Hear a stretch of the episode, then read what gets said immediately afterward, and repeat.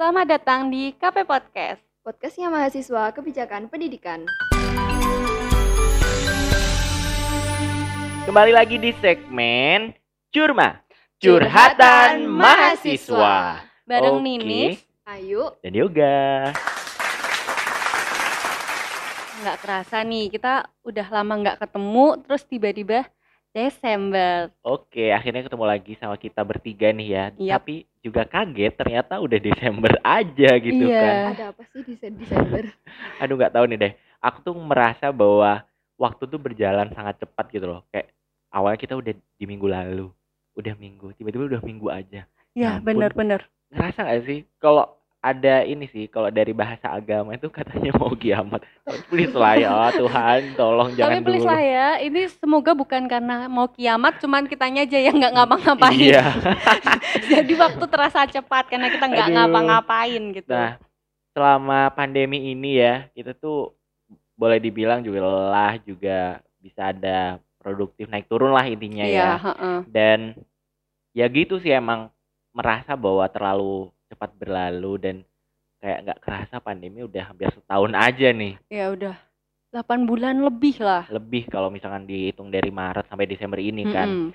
Terus selama ul- kuliah online juga kayak mempengaruhi dinamika berjalannya. Ini enggak Iya. sih?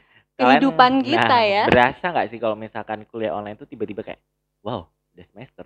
Wow, udah Wow. Desember. That's why ada Ya, ya, ya, itu That's dia. why kali ini kita udah mau menghadapi UAS, guys. Kayak Iya. udah akhir semester aja gitu. Nggak bener nggak sih kalian ngerasa kayak gitu nggak sih atau cuma aku aja gitu? Kalau aku ngerasanya gitu ya, yuk. Sama mbak. Jadi kayak tiba-tiba uas. Padahal di rumah kita ngapain aja. Nah, Udah dapat aja, dapat apa aja kuliahnya. Ah, kayak flat flat aja gitu nggak sih? Mm-mm. Tapi juga ada teman-teman yang aku ngelihat Instagramnya tuh produktif atau mungkin di sosial media mereka mereka ngebagiin bahwa mereka ngelakuin banyak hal selama pandemi dan kuliah ada yang sambil jualan online Iya. ada yang juga yang sambil apa ya kayak improving kualitas Skill dirinya gitu ya. Jadi ikut punya skill-skill pelatihan baru. ikut seminar apa kayak gitu Mm-mm. kalian ngelakuin kayak gitu nggak sih selama kuliah dan pandemi ini menikmati tiba-tiba Desember aja gitu Ya harusnya sih gitu ya mas. Karena ya mau ya mau apa ya terima nggak terima tapi tetap harus kita jalanin gitu loh. Iya benar. Masa-masa kayak bener, gini. bener.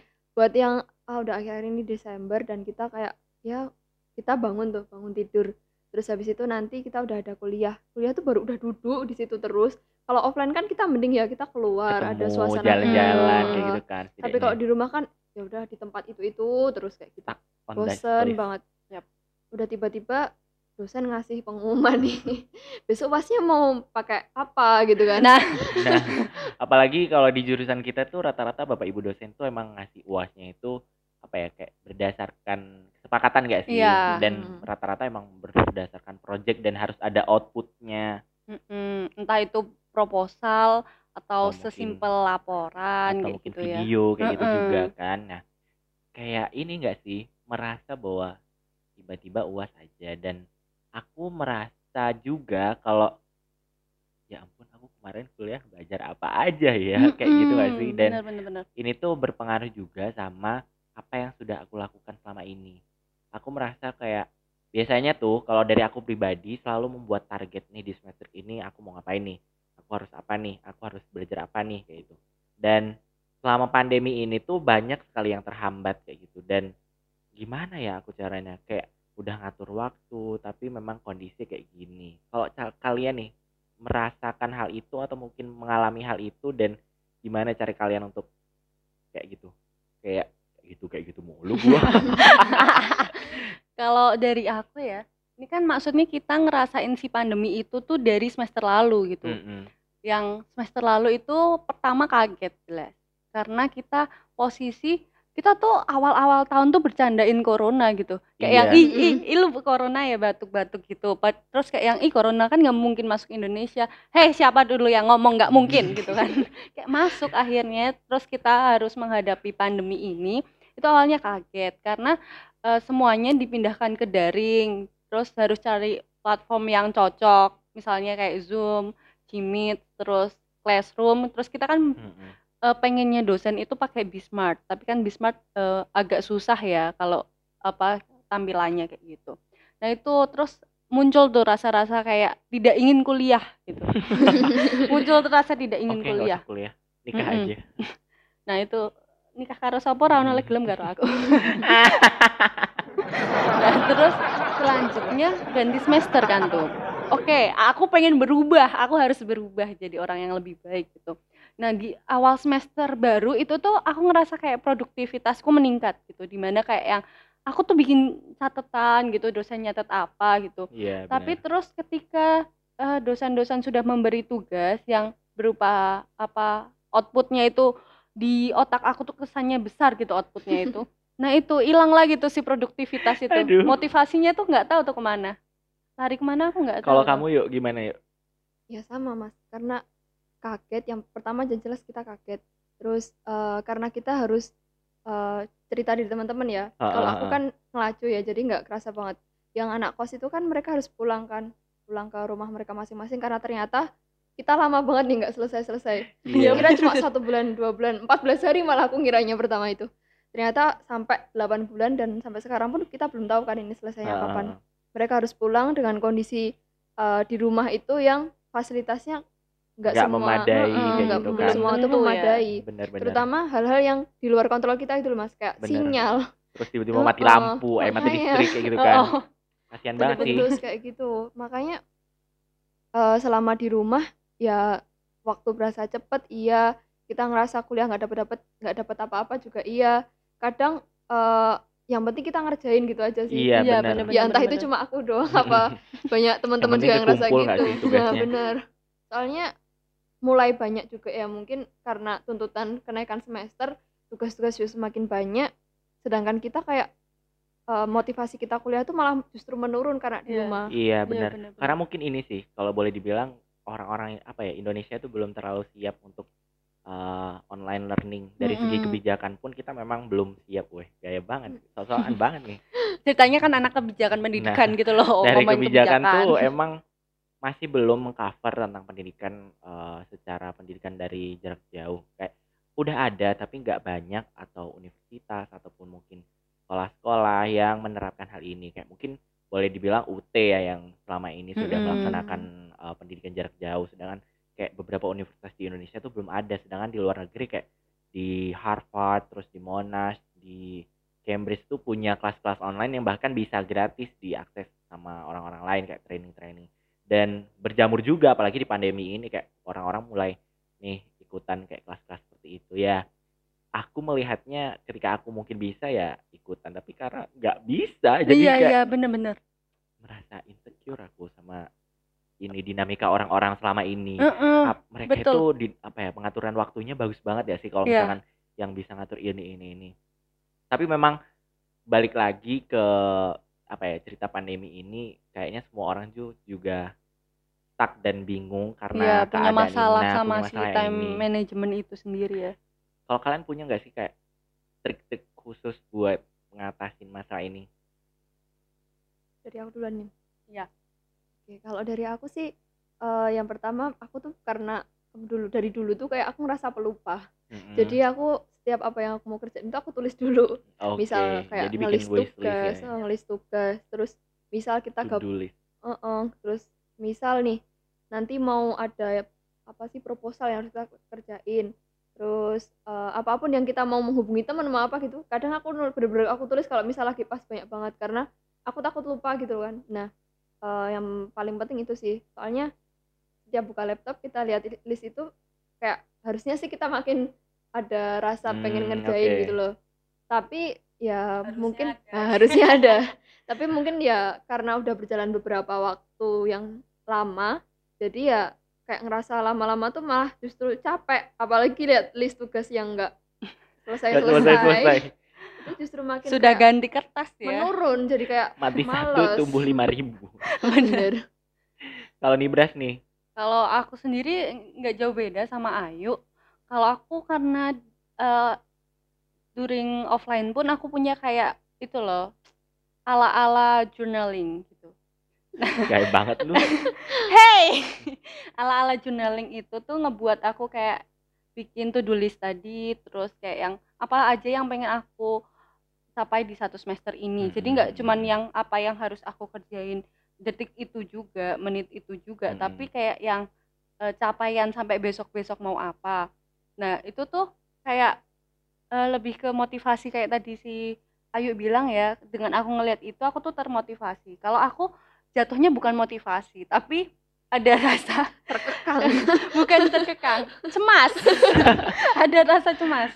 Di mana kayak yang ketika aku lihat itu aku modelan yang eh apa ya kayak khawatir kalau misalnya aku takut nggak bisa Heeh, gitu kan takut takut nggak nggak mampu. bisa. Terus kayak kalau kemepetan nih aku takut banget kayak yang tiba-tiba ya. Karena eh, wifi itu tuh kadang yang bikin kita eh, banyak-banyak istighfar itu. Bikin pahala aku nambah sebenarnya ya, karena aku banyak istighfar. Jadi misalnya eh, si to do list itu tuh aku bikin nggak pernah sesuai deadline-nya. Jadi aku mundurin mundurin dari deadline-nya dan itu ngebuat aku lebih ke kayak lebih gercep ngerjainnya lebih gercep ngerjainnya. Oke, jadi punya spare time untuk ke deadline yang sebenarnya gitu Heeh, kan gitu. Jadi bisa benerin siapa tahu tuh teman-teman yang eh, agak-agak ya teman-teman ya, tolong jangan nanya ke saya kayak yang eh kayaknya punya kamu salah deh gitu. Nggak usah, nggak usah urusan aku gitu, nilai-nilai aku gitu loh. Nah, biasanya tuh aku bikin jauh dari deadline tuh itu karena aku cemas kalau terlalu dekat dengan deadline kayak gitu. kalau dari aku sih sama sih sebenarnya kayak bikin to do list tapi aku orangnya itu bukan orang yang terstruktur jadi kayak kadang males banget untuk nulis segala macamnya. Cuma alhamdulillahnya nih inget gitu aku mau ngapain aku mau ngapain. Tapi ya itu- kamu di otak.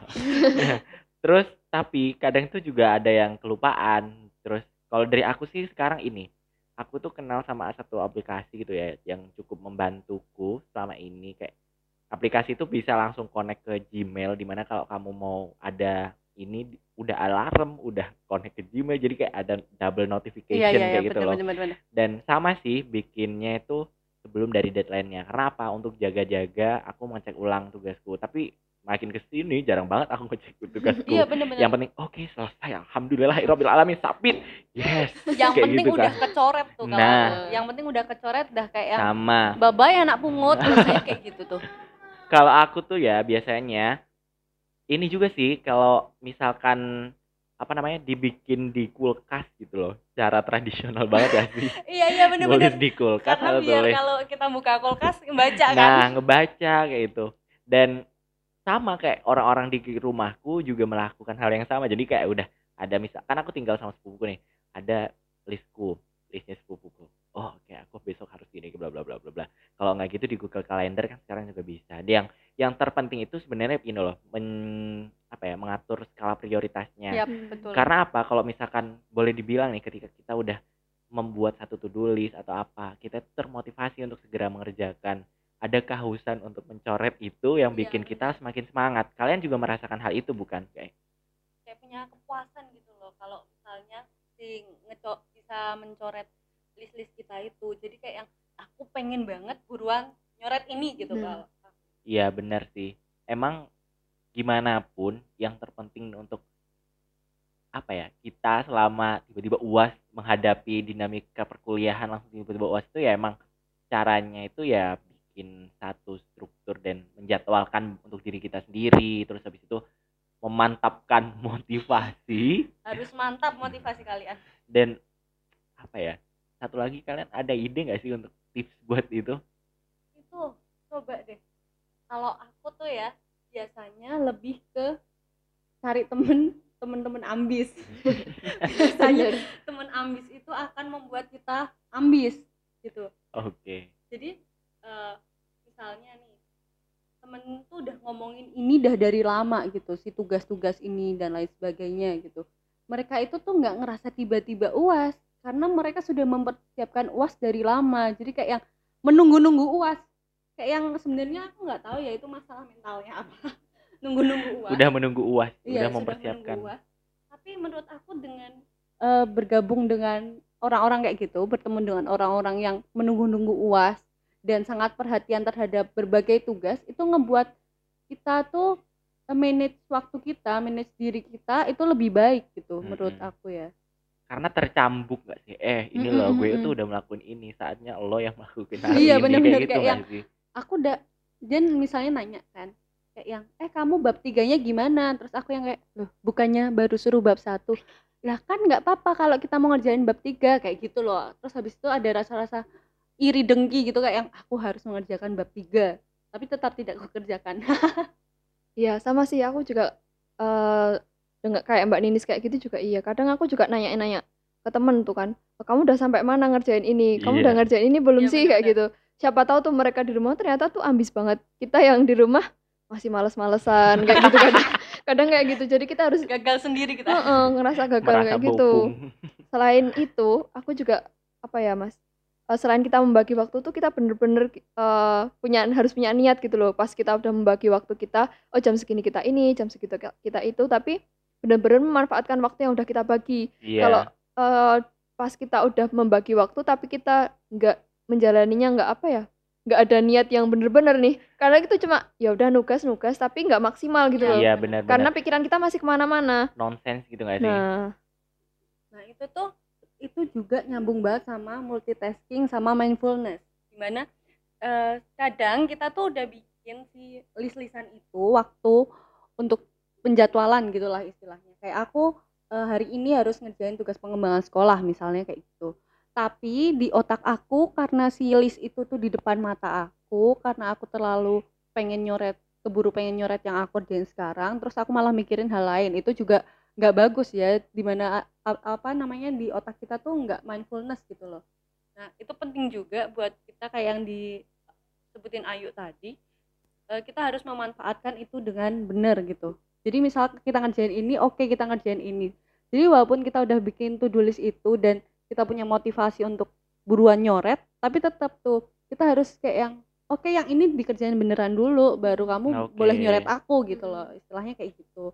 Jadi si to do list itu tuh tidak harus selalu ada di depan mata kalian. Misalnya kalau kalian modelan yang mudah terdistract jauhkan si to do list itu karena nanti kalian ada hasrat ingin mencoret gitu kan kalau misalnya kalian nggak punya hasrat-hasrat ingin mencoret ya sudah di depan mata kalian pun tidak apa-apa gitu Jadi kalau boleh dibilang nih ya, ada beberapa tips nih ya kalau aku boleh menyimpulkan.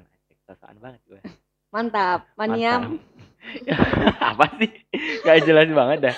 Yang pertama tuh eh, mungkin cara yang paling tepat untuk menghadapi biar nggak ngerasa tiba-tiba uas gitu aja mungkin kayak kita bikin apa ya nikmatin aja. Nikmatin aja prosesnya. Lalu atur waktunya dengan baik. Lalu mungkin setelah mengatur waktu dengan baik bagaimana kita memotivasi diri. Nah untuk bisa menjalankan segala aktivitasnya dengan maksimal. Dan yang yang menurutku yang terakhir itu fokus nggak sih? Kita Iya. harus benar-benar terpenting fokus. fokus dan satu-satu lah jangan sok-sokan multitasking tapi nggak maksimal kayak Yap. gitu. Betul. Karena kadang kalau emang kita jam terbang multitasking kita itu juga nggak terlalu oke dalam artian kita belum terlalu terbiasa untuk multitasking kemungkinan besar tuh kita juga akan kesulitan gitu loh untuk misal menghadapi segala macamnya itu Nah, selain itu tuh maksudnya si fokus itu tuh beneran berfungsi banget buat kita. Jadi apa yang kita dapat satu semester itu ya tergantung sama tingkat fokusnya kita. Kamu mau fokus mau enggak itu tuh itu bakal kena di kamu sendiri. Intinya kayak gitu kalau. Iya Mbak, Eh, sempet sih dengar pepatah ketika eh, ketika fokus ketika kamu bisa fokus eh, semua energimu itu bisa mengalir dengan baik gitu loh. Mantap, mantap mania mancing. ini Makanya- kayak Ayu Riana aduh Keren. kayaknya udah cukup lama ya kita ngobrol-ngobrol tentang tiba-tiba uas aja kayak gitu. Dan ada beberapa hal yang mungkin harus kita perbaiki bareng-bareng. Kayak aku juga masih belajar tentang bagaimana cara fokus bagaimana kayak apa yang Ngatur ngatur waktu, waktu, dan gitu. memotivasi diri kayak gitu kan. Yang terpenting itu sebenarnya ya kita harus terus belajar dan mengasah diri mengasah skill-skill kita dalam yang hal-hal kecil seperti tadi. Karena memang untuk being mahasiswa itu tuh one of the important thing yang Hmm, memang iya. harus kita Oke. benar-benar punya gitu gak sih? Yep. So mungkin sekian kita ngebacotnya di podcast kali ini Ya, seru banget deh akhirnya bisa sharing-sharing cerita semoga teman-teman ada kebermanfaatan yang bisa diambil dari podcast ini dan Iya. mengobati kangen kalian dengan kita. Ih, sosokan banget gue. dan jangan lupa semangat uasnya karena kalian nggak sendirian kalian di sini berjuang bareng-bareng kita semua berjuang buat nilai-nilai akademik kita ilmu-ilmu kita jadi tetap semangat uasnya Jangan lupa terus jaga kesehatan. Jaga mood Oh iya, jaga mood. dan tetap patuhi protokol kesehatan. Yang terpenting kita semua sehat kalau misal kita semua mengusahakan segala macamnya tadi tapi nggak sehat juga percuma ya, percuma. betul banget. So, terima kasih sudah mendengarkan podcast pada kesempatan kali ini. Aku Yoga. Aku Ayu. dan aku Ninis undur diri terima kasih Bye bye. Bye-bye. Yuhu.